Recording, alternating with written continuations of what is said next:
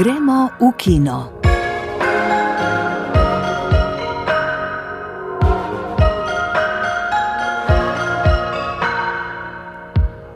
Dobrodan in dobrodošli v naši filmski oddaji. S kritiško ekipo smo za vas pripravili recenzije filmov iz naših kinodvoran. Z Babilonom se Oskarjevec Damien Chazelle podaja v zgodovino Hollywooda, stoletje v preteklost, ko so kraljevali nemi filmi, na vrata pa je že trkal zvočni film in z njim spremembe v industriji sanj ocenjujemo britanski film Po Soncu. Po besedah režiserke in scenaristke Charlotte Wells je čustveno autobiografski, saj se z njim spominja poletnih počitnic z očetom. Razmišljamo o družbenem kontekstu in argentinskih odzivih na sodno dramo Argentina 1985 in o filmu Kapitanka Nova, v katerem junakinja rešuje zemljo pred okoljskim zlomom. Ob začetku leta je prvi filmski dogodek v naši bližini Tržaški festival, ki ponuja pregled ustvarjanja v srednji in vzhodnji Evropi. To so teme oddaje Gremo v kino. What about you? Sorry? If you could go anywhere in the whole world, where would you go? I always want to be part of something bigger.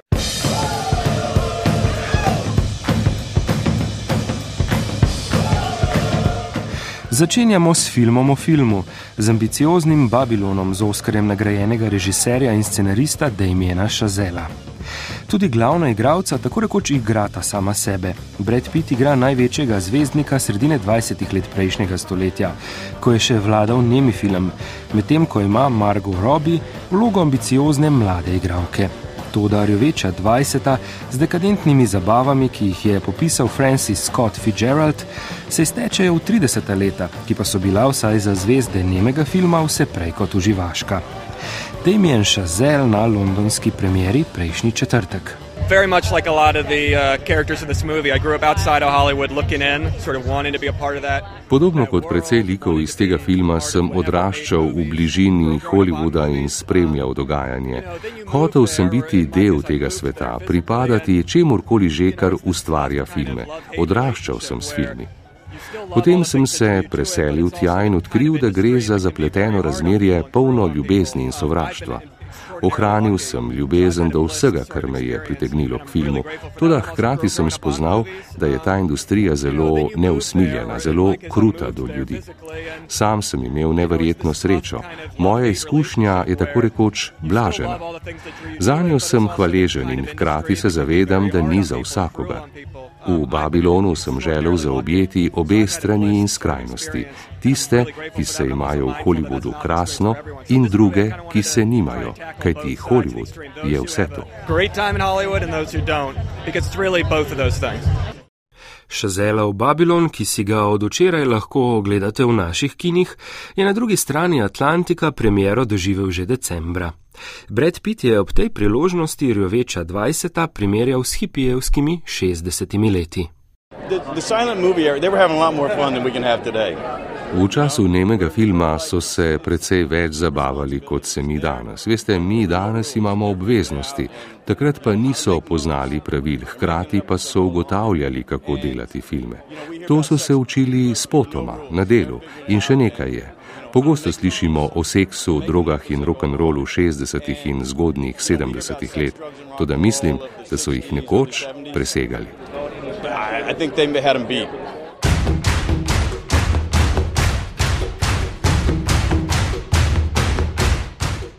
Šazel je pri Babilonu, podobno kot v deželi Lala, za katero je prejel režijskega Oskarja, združil moči s skladateljem filmske glasbe Justinom Hurvicem, prav tako nagrajenim z Oskarjem. Ameriška filmska akademija bo nominacije razkrila v torek in, kot vemo iz preteklosti, ima rada takšne filme kot je Babilon, ljubezenska pisma Hollywoodu, kot je nekoč bil. Babilon si je ogledal Igor Harp in to je njegova recenzija. Babilon je eden najbolj pretiranih filmov, kar jih je mogoče videti v kinu. Dogajanje je postavljeno v Nora 20. v Hollywood na prehodu iz obdobja nemega v zvočni film. Tega predstavlja tudi kot prehod iz obdobja ekscesa in zabavljaške umetnosti v profesionalno in vse bolj tehnologiji podvrženo obrtništvo, ki pa še zmeraj pomeni ustvarjanje magije za na veliko platno. Film je poklon divjim zabavam, bleščečim zvezdnikom, naključnim smrtim na snemanju ter povsod navzočemu rasizmu in zlorabam, a mu uspe poosebiti vse, kar poskuša kritizirati. Babilon je namreč tako prenatrpan s prikazi ekscesa, da do njega ne vzpostavlja distance. Junake res da dočaka usoda, skoraj skladna z zloglasno moralističnim Hejzovim produkcijskim kodeksom, ki je utišala rjovenje 20. Hkrati tako zaslepljeno prikazuje svoboščino in sproščenost obdobja nemega filma, da spregleda in zgledi številne zares problematične stvari, ki so se takrat dogajale. Smrti in nesreče na snemanjih so videti prej komične kot tragične, bakanalije in orgije na zabavah zmeraj konsenzualne, spolnost med doletnicami pa je le omenjena. Še bolj vzbuja pozornost brško ne nenamirni, a brez dvoma ponotranjeni rasizem filma, ki poskuša kritizirati 20. Film ima namreč pet osrednjih likov, a zgodbi temnopoltega trobentača, ki je predmet rasističnega ponižanja, in azijske kabarejske pevke, ki jo studio odpusti, ker je lezbika, sta postranski. Žarometi se namreč ustavijo na tragičnih usodah neobvladljive plavolase starlete Nelly, ki jo upodablja Margot Robbie, in elegantno postaranega zvezdnika na vrhuncu slave, ki ga igra Brad Pitt. Tako film ne pokaže le v zgodbi, kako je Hollywood marginaliziral manjšine, temveč povdari, da to počne še danes. Z dobrimi tremi urami je Babilon zagotovo predolg. Nekateri prizori in liki so nepotrebni, saj ne prispevajo k razvoju zgodbe ali doživetju. Zaključna sintetizacija junakovega doživetja ki je prikazana skoraj kot eksperimentalni filmski kolaž zgodovine sedme umetnosti od bratov Limier do Avatarja, pa je le še en odvečen eksces. A Babylon vendarle ni slab film. Režiser Damien Chazelle se z njim po veličastno umirjenem prvem človeku vrača k podivjanemu tempu in neposrednji metaforiki, ki sta navduševala v deželi la-la in ritmu norosti. Scenografija je spektakularna, kamera mojsterska, glasba navdušujoča, igra brezhibna. In ko glavni lik v zadnji tretjini sledi srhljivemu gangsterju v dobesedno potalno zabavišče sredi puščave, film pridobi skoraj linčevsko raven groze. Babilon je zaradi teh elementov v marsikaterem pogledu presežek, poln osupljivih scen in ljubečega pogleda v organizirani kaos zgodnje dobe filmske umetnosti ter zabavljaškega življenjskega sloga, ki jo je obdajal. I love you. Love you.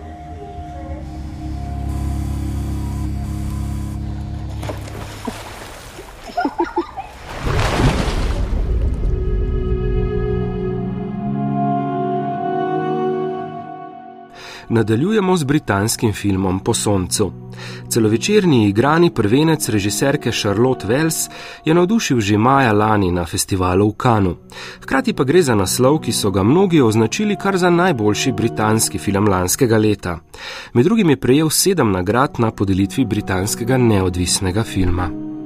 Po soncu je intimen portret mladega očeta in njegove enajstletne hčere na dopustu v Turčiji, kot se ga dve desetletji pozneje spominja hči med pregledovanjem posnetkov in spominjanjem. Charlotte Wells je povedala, da je film delno autobiografski, ne nujno v faktičnem smislu, ampak gotovo vsaj v čustvenem. Po soncu je te dni doživel slovensko premiero. Ogledala si ga je Petra Meterc.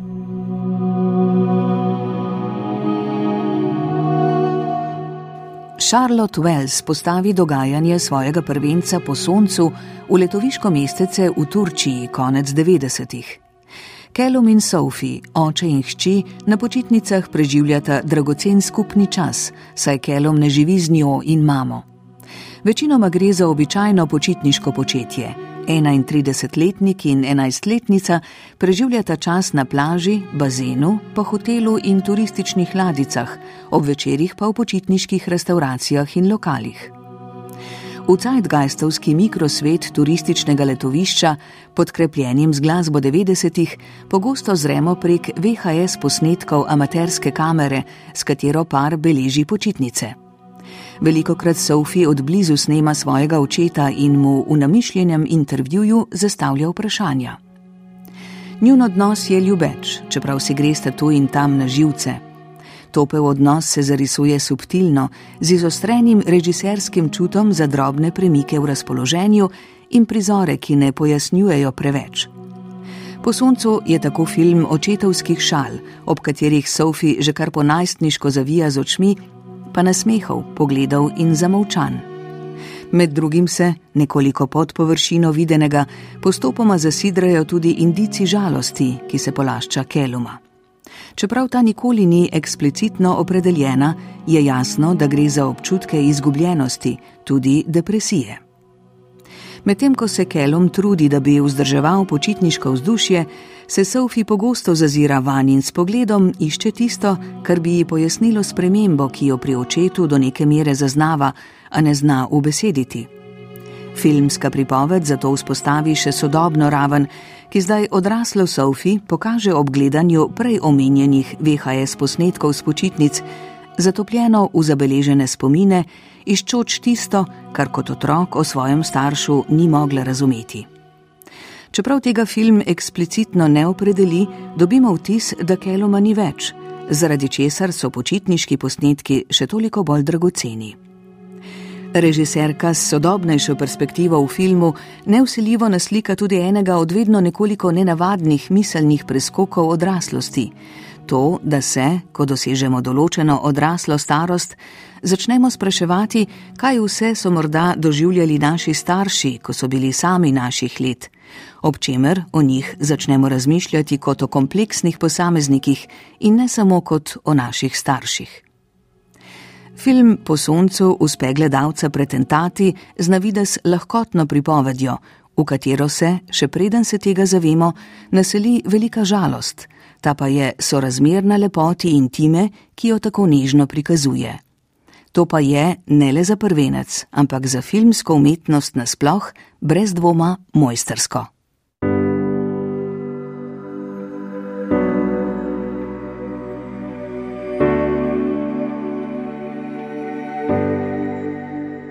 Nadaljujemo s pregledom festivalskega dogajanja. Prvi vsakoletni filmski dogodek v naši bližini je Tržaški festival, ki iz dvoran preganja januarsko temo in zimo. Jutri se bo začel že 34. in se s programom spet posvetil ustvarjanju v srednji in vzhodnji Evropi. Tudi leto se bo v tednu dni v treh tržaških dvoranah zavrtelo kar nekaj slovenskih filmov. Ingrid Kovač Brus. Tržaški filmski festival je svojim programom poseben. Čeprav prikazuje predvsem nove filme, igrane in dokumentarne, se vsako leto znova v nekaj sekcijah poglobi v filmsko raziskovanje preteklosti in geografskega prostora, v katerem je bil Trst predvsem v času Habsburške monarhije tako pomemben. Začnimo torej pri eni izmed takih sekcij s prav posebnim naslovom Divje vrtnice. Um, uh, Eno letošnjih osrednjih mest je posvečeno ukrajinskim režiserkam. Gre za fokus, ki so ga poimenovali Divje vrtnice. Na prejšnjih festivalih so se že posvetili polskim in gruzijskim režiserkam, tokrat pa gre za poseben izbor, s katerim želijo poudariti in izpostaviti nadarjenost in ustvarjalnost evropskih režiserk. Letos so si seveda ukrajinske režiserke zaslužile fokus in posebej posebno pozornost, upoštevali pa so seveda grozljive dogodke, ki tam še kar trajajo. Pravi Nikoleta Romeo, umetniška direktorica festivala in še doda, da kar nekaj filmov iz te sekcije prikazuje ženski pogled na vojno, na vojno, ki jo ustvarjajo moški, ženske pa imajo v njej povsem drugačno vlogo. Tržaški festival pa izstopa tudi po izboru dokumentarnih filmov, morda je prav tu najmočnejši. Od enajstih dokumentarcev v tekmovalnem programu so jih devet posnele režiserke. Večina med njimi je mladih, nekaj debitantk in njihov pogled na svet in film je svež in nov. Nekatere se s filmom poigravajo kot z urodjem, ki ne le prikazuje resničnost, ampak se z njo igra in film izumlja na novo. Um, V Trstu v naslednjih dneh prihaja polski režiser Kžištof Zanusi. Posebno sekcijo bodo namenili Francu Kafki in filmom, ki izhajajo iz njegove literature. Morda najobsežnejša bo zgodovinska sekcija namenjena filmom iz nekdanje Češko-Slovaške republike. Med njimi bo tudi erotikon Gustava Mahatija z novo glasbeno spremljavo Andreja Goričarja. Festival pa so tudi razstave, pogovori, sprehodi po filmskem Trstu in seveda za večino gledalcev gledalcev najpomembnejša sekcija igrani film. V njej si bodo prihodni četrtek najbolj radovedni lahko ogledali tudi novi film Marka Šantiča z Budime, slovenske barve pa bodo v Trstu zastopali še Matjaš Ivanišin s kratkim, tako se je končalo poletje, Lejo Černic z animiranim Pentola in mnogi drugi, tudi na koprodukcijskem srečanju, kjer vzhod sreča zahod. Skratka, Trst bo v naslednjih dneh in večerjih ponudil izbrano film filmsko sliko vzhodne in srednje Evrope, ki je ne gre zamuditi. Ser el fiscal del juicio más importante de la historia argentina.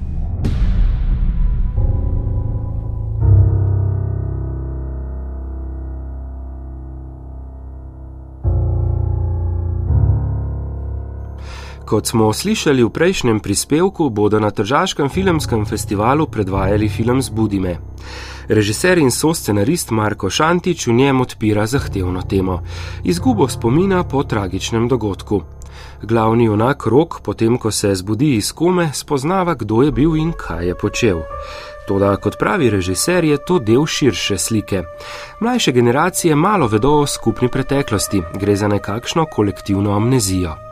In prav ta skupinska pozaba ne nujno zelo oddaljenih zgodovinskih dogodkov je tisto, kar je presenetilo Živo Emršič, našo argentinsko filmsko dopisnico in nekdanjo urednico odaje, ki jo poslušate.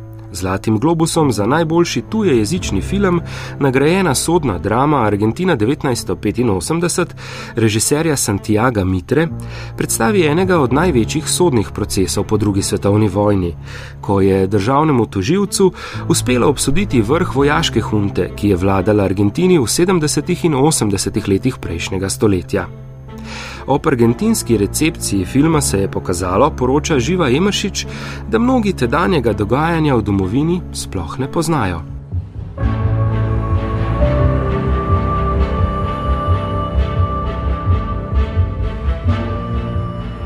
Leta 1983 je iz krvavega pepela diktature ustala novorojena argentinska demokracija. Svet se je nasilja vojaške vlade zavedel šele po izidu znamenitega poročila o zločinih z naslovom Nunca Mas, nikoli več, pod katerega se je kot prvi podpisal pisatelj Ernesto Sabato. Igrani film s pomenljivim naslovom Argentina 1985 slika državo dve leti pozneje. Gledalci in kritiki po svetu ga sprejemajo kot še eno filmsko zgodbo, nastalo po resničnih dogodkih, kot recimo nekoč sojenje v Nirnbergu ali kasneje Schindlerjev seznam.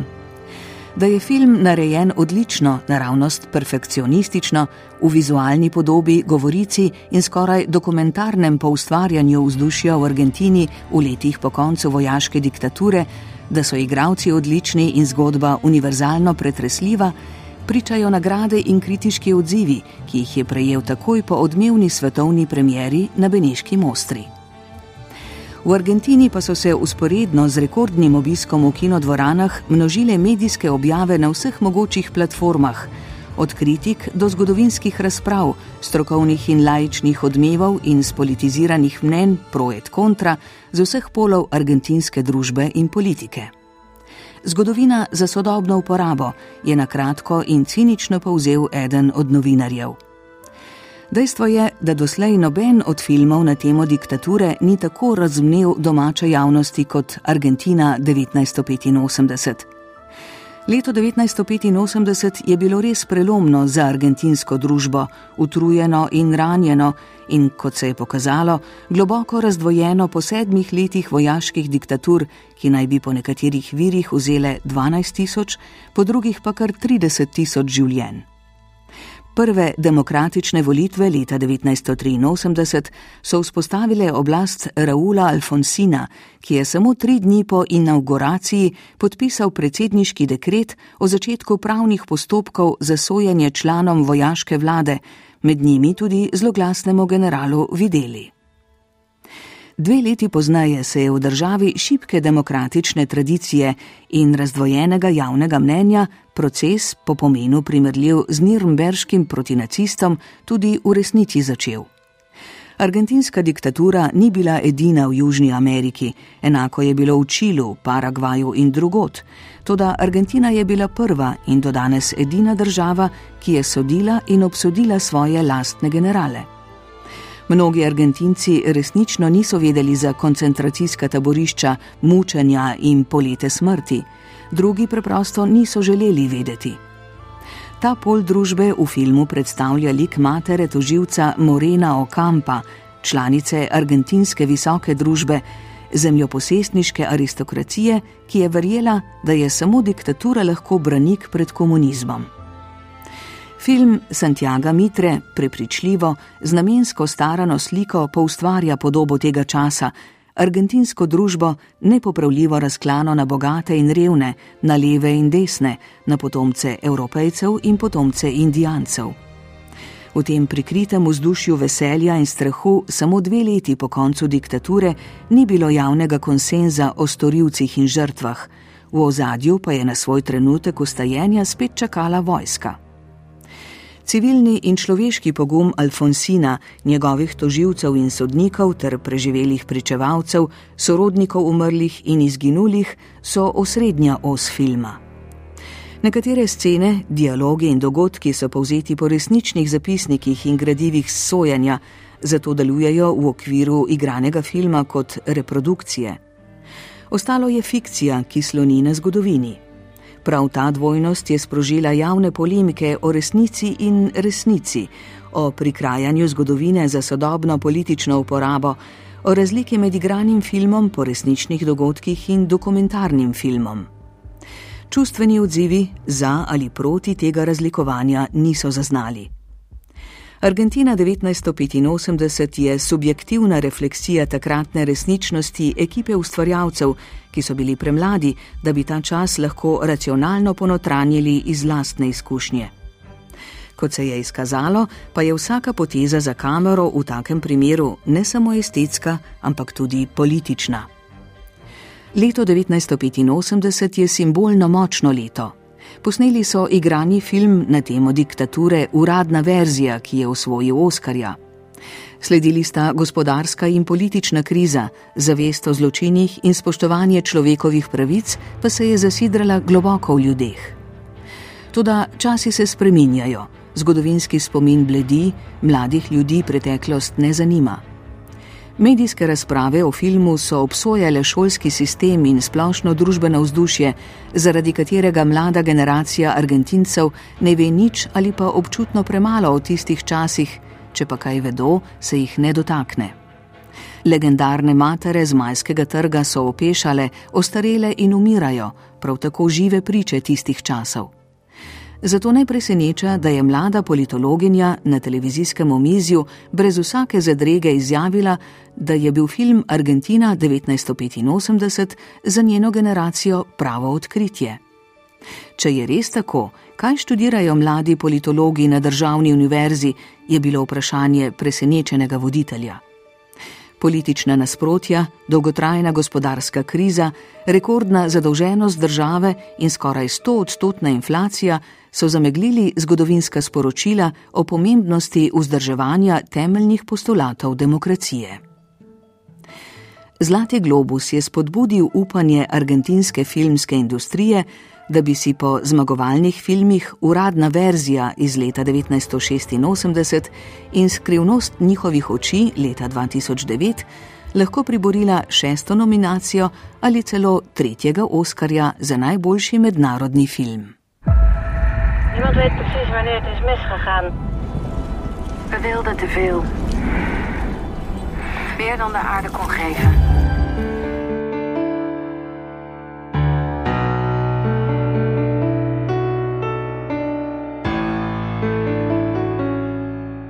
Če smo se ravno kar s pomočjo filma podali v preteklost, se zdaj podajamo v prihodnost. Leta 2050 je Zemlja opustošen planet, kjer življenje ni več mogoče. Kapitanka Nova odpotuje nazaj v času, v leto 2025, da bi preprečila ekološko katastrofo. Kapitanko Nova so si mladi gledalci in gledalke že lahko ogledali na zadnjem lifu v programu Kinobalon, zdaj pa si ga sredi najtoplejšega januarja v zgodovini lahko ogledate tudi v kinu. To je storila Gaja Pešel in sledi njeno razmišljanje o filmu.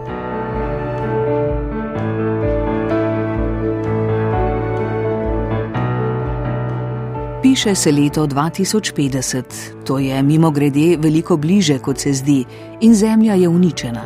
Dobesedno in nepopravljivo, življenje na njej tako rekoč ni več mogoče, oziroma samo še v posebnih umetno ustvarjenih in vzdrževanih okoljih. Vzrok? Podnebne spremembe. A upanje, da vse le ni še popolnoma izgubljeno, v tej distopični mladinski znanstveno-fantastični drami vendarle obstaja. Če bi se kapitanki Novi uspelo vrniti v čas, tik preden je bil Zemlji zadan zadnji usodni udarec in ga preprečiti, bi se prihodnost razvijala popolnoma drugače. In tako se Nova v spremstvu gobčnega drončka odpravi na nevarno pot skozi črvino in uspešno pristane na Zemlji leta 2025, toda z nezanemrljivim stranskim učinkom. Ne le planet, tudi ona je 25 let mlajša. Na nevarni misiji se tako znajde 12-letno dekletce, ki ga seveda nihče ne jemlje resno, še najmanj seveda moški, ki je odgovoren za bodočo katastrofo. A nova se ne vda kar tako in ob pomoči novih zaveznikov odločno stopa svojemu cilju naproti. Kapitanka Nova je film, ki z zgodbo, posvečeno vedno bolj žgočim okoljskim problemom, presega običajne znanstveno-fantastične okvire, hkrati pa v svoji dikciji ni pridigarski.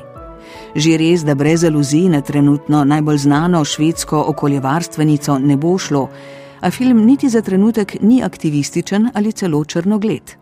Prav nasprotno, režiser in soscenarist Maurice Trauborst je želel ustvariti napet film poln upanja, ki mladim sicer približa tematiko podnebnih sprememb, a s poudarkom na drzni pustolovščini, v kateri so v ospredju še druge vrednote: prijateljstvo, zaupanje in seveda nepopustljiv pogum v boju za boljšo skupno prihodnost.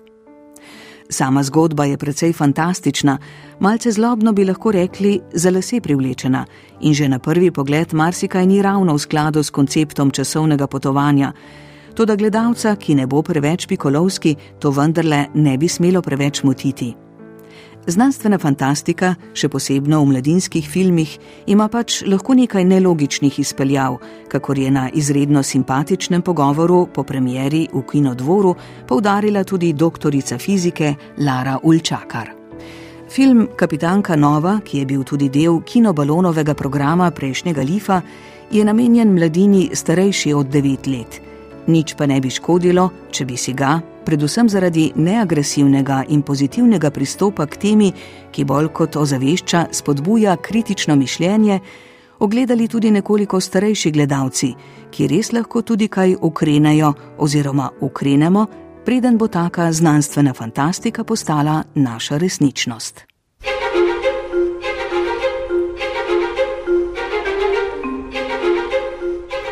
Slovenski kinoteki v Ljubljani do nedelje poteka tretji festival Balkam. Pregled najzanimivejših in najuspešnejših filmov z vidika snemanja in filmske fotografije z področja nekdanje Jugoslavije. Med projekcijami bo tudi kar nekaj slovenskih premjer. Med drugim smo v sredo ob odprtju festivala premjerno videli hrvaški dokumentarno-eksperimentalni film Tovarna filmov režiserja Silvestra Kolbasa ki govori o zatonu fotokemike Zagreb, ki je nekoč proizvajala filmske trakove. Kaj pripravljajo ob koncu tedna tajnik Združenja snemalcev Slovenije in direktor fotografije Simon Tanšek. Tako kot prva in druga edicija Balkana, tretja prinaša najbolj zanimive vizualne dela, se pravi, in nekako festival posvečen direktorjem fotografije. Princip izbora filmov je tak, da vsako nacionalno združenje, se pravi iz Slovenije, iz Hrvaške, iz Bosne, iz Makedonije in Srbije, prijavi svojih pet del. Se pravi, vsaka asociacija prijavi eno, en kratki film, en študentski film, en dokumentarni film, en igrani celočirni film in pa še en film, ki smo rekli, da bo uvrščen v sekcijo legende. To so v bistvu uh, uh, stare klasike, ki so zadnje, v zadnjem letu ali dveh bile digitalno restaurirane.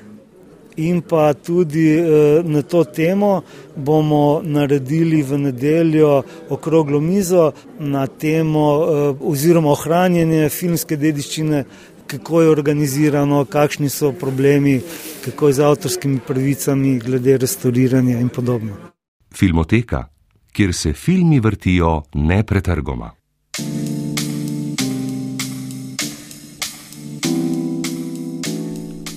Kostumografinja Zvonka Makuc je, preden se je upokojila, ustvarjala za gledališče, televizijo in film. Med njenimi največjimi uspehi je ustvarjanje kostumografije za Oskarjevski film.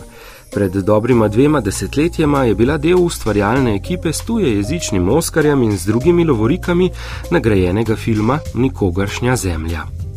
Bistvo je v tem, da je treba narediti kostume, ki jih nihče ne opazi, ki niso moteči za gledalca, je pojasnila svoje vodilo v enem od intervjujev. Zvonka Makuc je pripravila kostume za prvi slovenski znanstveno-fantastični film Maja in Vesolček za mladinska filma Sreča na vrvici in nepopisan list. Njeno zadnje delo za veliko platno je kostumografija za komedijo Sous, celovečerni prvenec pred dvema letoma preminulega Marka Sosiča. Sodelovala je tudi pri prvih dveh celovečercih Gorana Vojnoviča in vse omenjene filme, pri katerih je sodelovala zvonka Makuc, si lahko izposodite v filmoteki v aplikaciji RTV 365.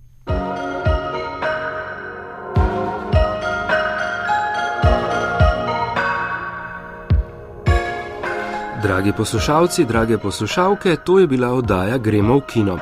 Tokrat smo ocenili filme Babylon, Kapitanka Nova in Po Soncu, ki si jih lahko ogledate v kinu. Če ste ocene zamudili ali bi jih radi slišali znova, oddajo najdete na spletnih straneh prvega in Arsa, kjer se z aplikacijo za podkaste lahko na njo naročite. In tako bo, še preden se boste podali v kino, oddaja Gremo v kino z najnovejšimi recenzijami prišla do vas. Z vami smo bili glasbena opremljevalka Tina Ogrin, tonska mojstra Jrnej Boc in Robert Markoč, napovedovalca Renato Horvat in Eva Longika Marušič. Odajo sem pripravil in vodil Urban Tarman. Srečno! thank you